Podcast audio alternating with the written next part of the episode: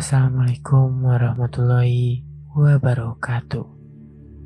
Panji Purnama di sini kembali ingin membagikan kisah horor di podcast Gangguan Malam. Bagi kalian yang belum follow podcast Gangguan Malam, silakan klik dulu tombol follow dan jangan lupa juga untuk nyalakan lonceng notifikasinya.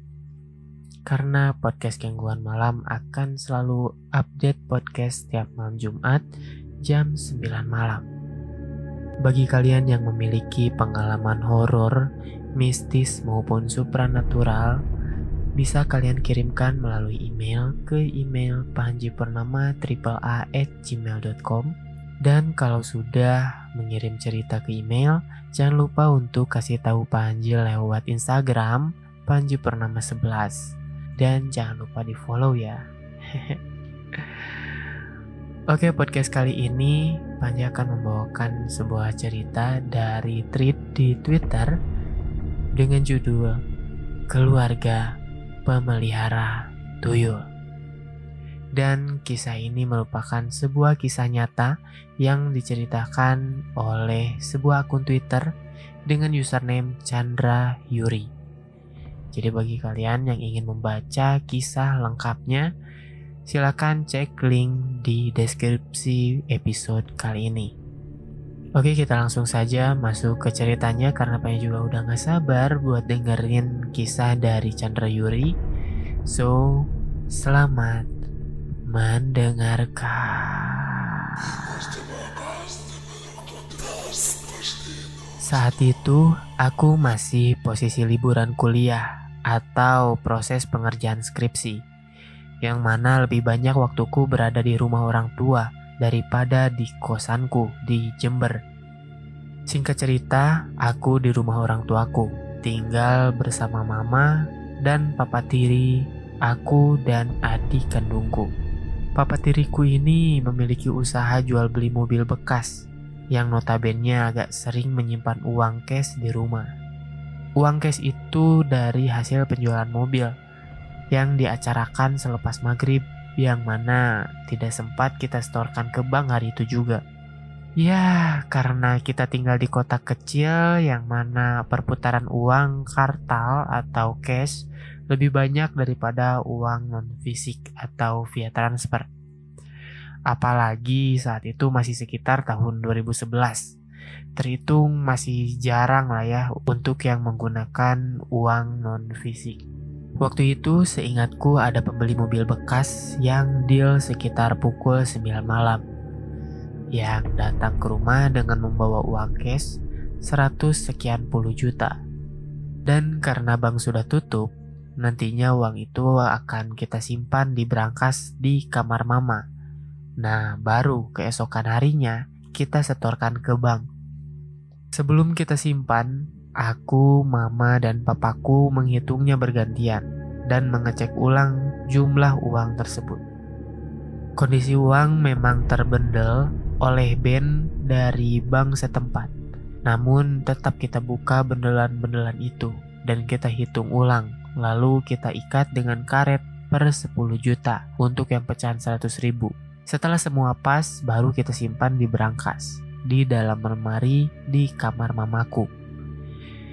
Keesokan harinya, saat papaku menyetorkan uang itu ke bank, ternyata beberapa benda ada yang kurang nominalnya. Totalnya kurang 400 ribu atau 4 lembar uang nominal 100 ribuan.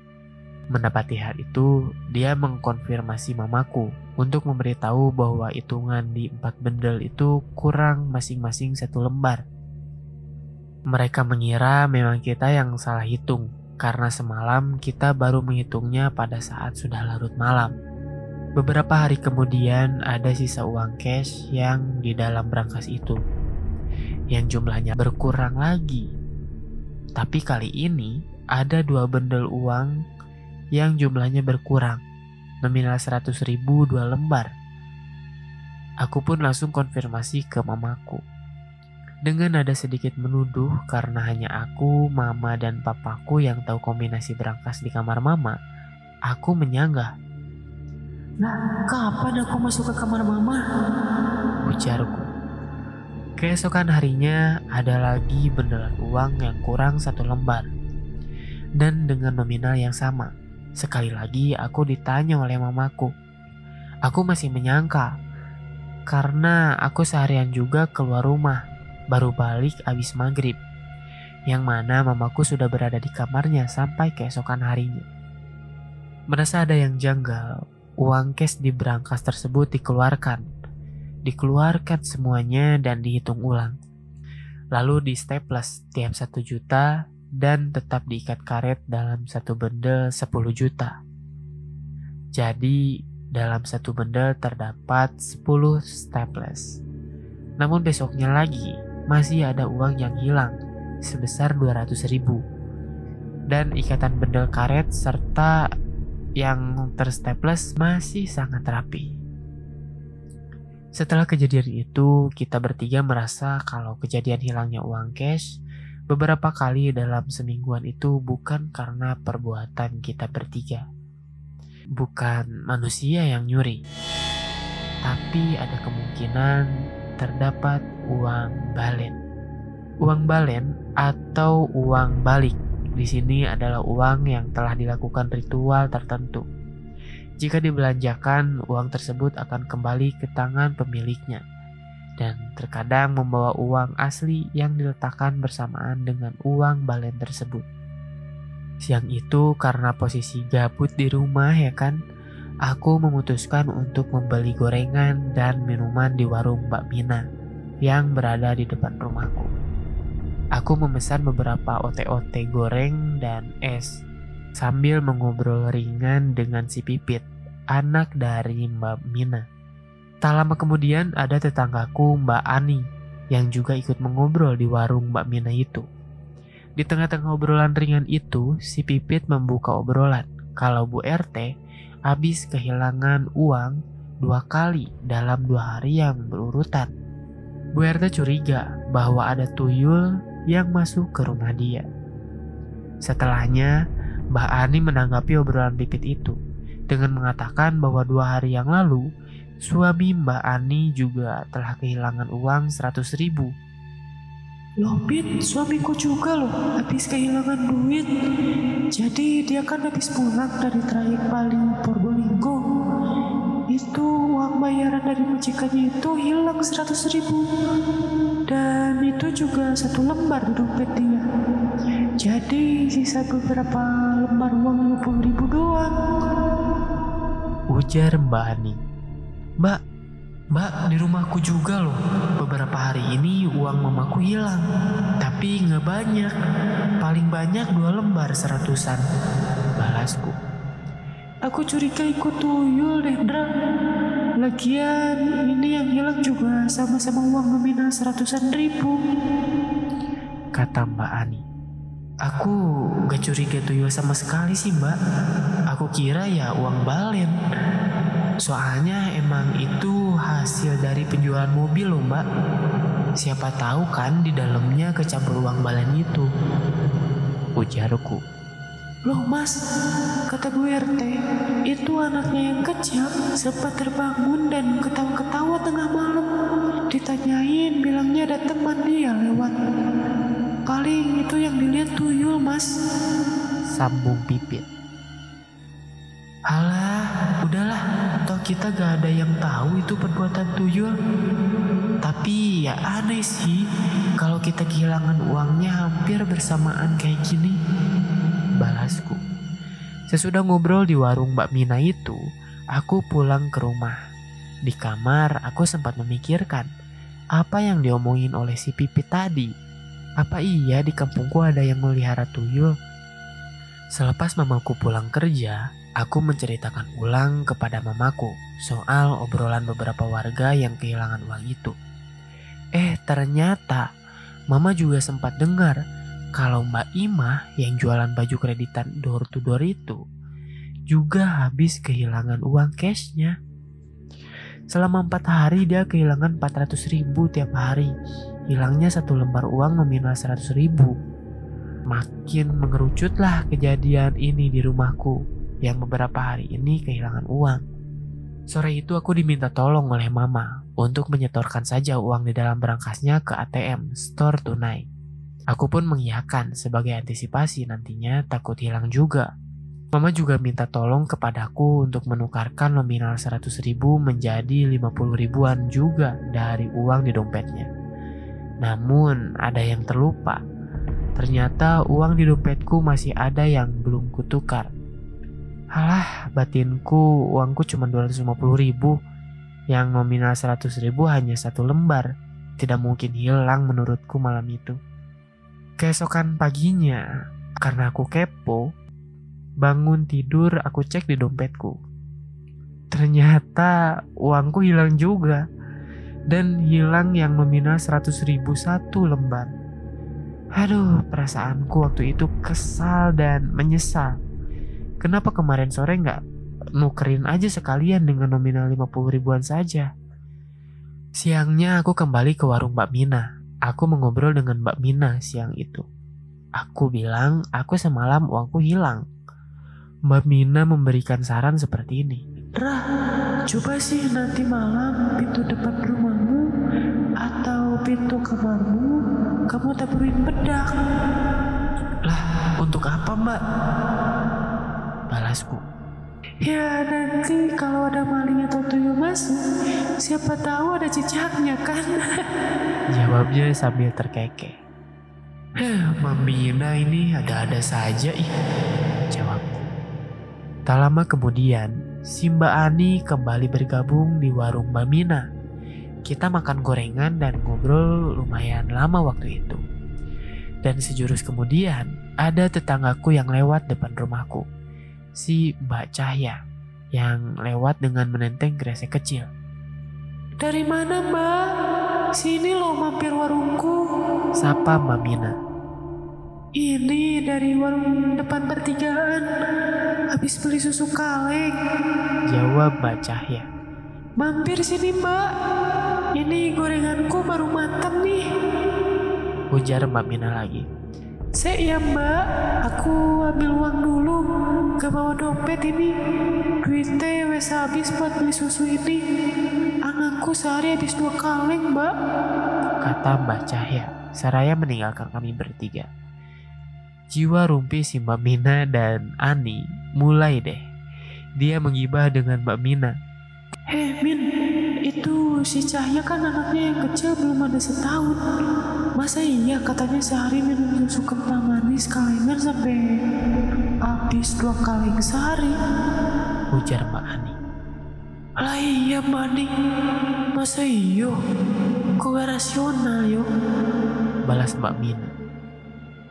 Iya ya Min, mana si Cahya itu kurus banget, kering kerontang gitu ya sekarang? Ujar Mbak Ani lagi. Oh, Mani, dia kurus banget gitu. Mungkin gak keluar asinya. Makanya kan dia beliin susu kental manis buat anaknya. Jawab Mbak Mina. Aku pun asal nyeletuk waktu itu. Ya, paling dia punya ingon-ingon tuyul, Mbak. Gak kuat nyusuin. Makanya kurus banget gitu. Mana sampai beli dua kaleng susu kental manis setiap harinya. Lanjutku sambil tertawa. Bisa jadi loh, Ndra. Lah dia kalau jalan salah satu tangannya di belakang soalnya. Jawab Mbak Ani. Loro boyo, iku mbak. Wong kurus ngunu kok nggak kakean digarap. Tapi aku emang curiga sama si Cahya itu. Dia tiap azan maghrib selalu keluar rumah loh. Kayak wajib tiap harinya harus keluar pas azan maghrib. Mana rumahnya juga tutupan ya kan? Ujar Mbak Ani. Wes wes, ojo rasan-rasan mbak, hilang mana duitnya sampean kapok. Jawabku sambil tertawa. Aku pun menyudahi obrolan siang itu. Segera membayar beberapa gorengan dan es yang kumakan di warung Mbak Mina. Aku segera pulang setelahnya. Sesampainya di kamar, aku kepikiran dengan obrolan yang di warung tadi. Apa iya sih Mbak Cahya itu punya peliharaan tuyul? Sorenya aku cerita ke mama soal obrolan tadi siang. Mama baru ingat kalau ibu dari Mbak Cahya itu dulunya pernah ikut pesugihan. Itu disampaikan yang bersangkutan langsung ke ibu-ibu. Kebetulan tempat mencari pesugihannya itu juga tetangga kami, Bu Yati namanya. Bu Yati awalnya menceritakan kalau dirinya dan ibunya Mbak Cahya itu sampai ke mana-mana mencari pesugihan.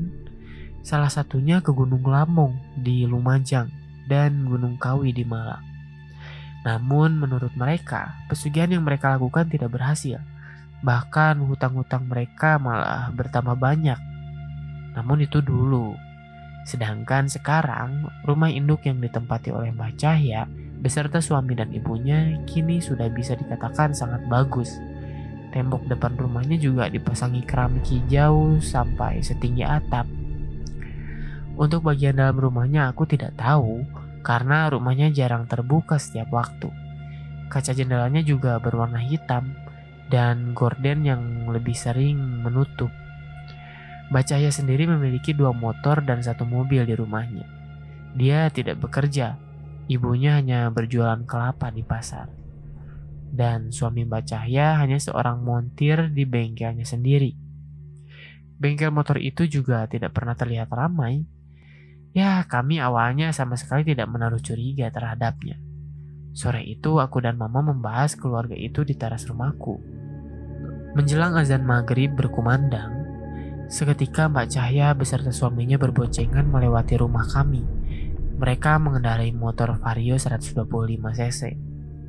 Namun yang anehnya, Mbak Cahya seperti duduk berjauhan dengan suaminya. Sedangkan suaminya duduk di jok dengan posisi agak ke depan.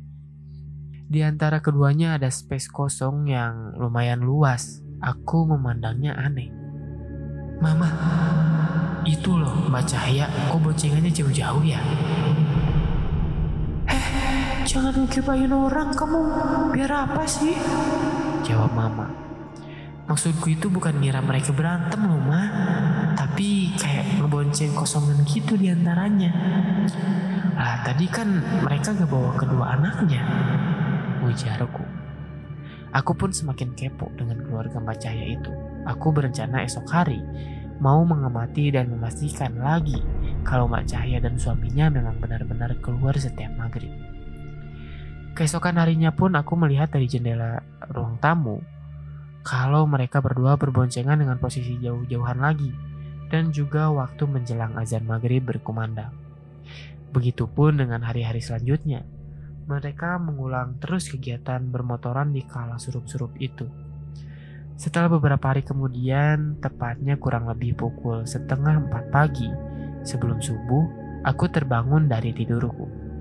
Saat itu di luar sedang gerimis. Depan rumahku ada saluran pembuangan air yang kalau di saat hujan selalu penuh karena pembuangan air sawah belakang rumah. Tetangga depan rumah sebelah Mamirna memelihara mentok atau itik atau itik serati Mentok-mentok itu saat menjelang subuh itu sangat ramai. Tidak seperti biasanya. Kemungkinan kalau hanya bermain air di saluran air, tak akan seramai itu. Seperti ada orang yang bermain-main dengan mentok-mentok itu.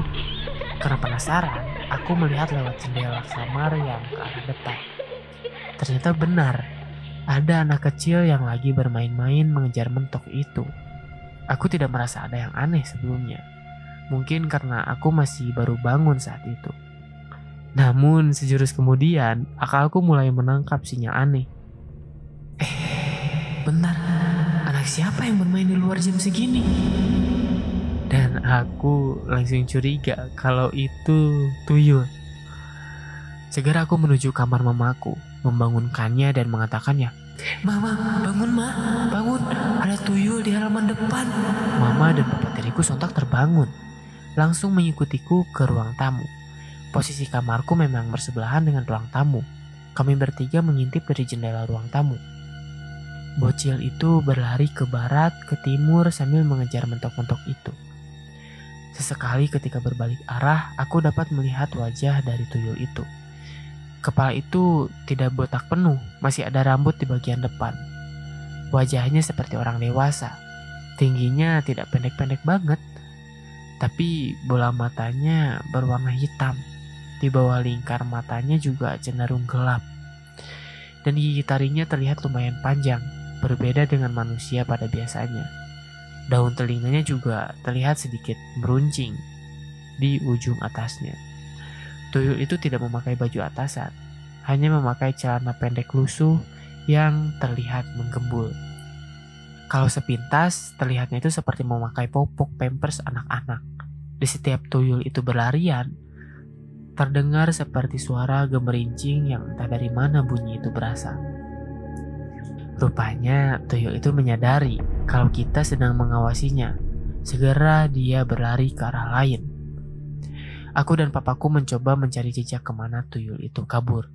Dan kita mendapati ada jejak bekas lumpur yang masih basah di teras rumah dan mengarah ke pintu masuk rumah itu yang tak lain adalah rumah Mbak Cahya.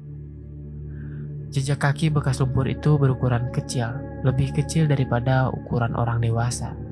Dari situ kita langsung menarik kesimpulan kalau memang yang diguncingkan orang-orang kampung itu benar adanya.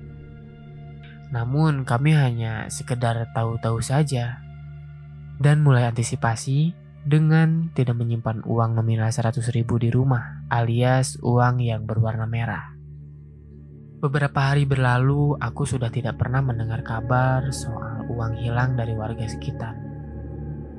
Namun, ya ada yang lebih mengerikan. Anak-anak tetanggaku yang pulang dari mengaji, mereka melewati lompongan space antara rumah Mbak Cahya dengan rumah tetangga sebelah. Anak-anak itu masih kecil, kurang lebih umurnya sekitar 4-5 tahun. Nah di lompongan itu ada kuburan ari-ari bayi yang biasanya ditutup dengan kurungan ayam dan ditaburi dengan kembang setaman dan diberi lampu. Bocil itu ada yang mendengar suara dari kuburan ari-ari bayi itu. Salah satu dari mereka mencoba membuka kurungan yang menutupi kuburan ari-ari itu. Kemudian mereka berenam teriak berteriak dan lari dari lompongan itu dengan sangat histeris.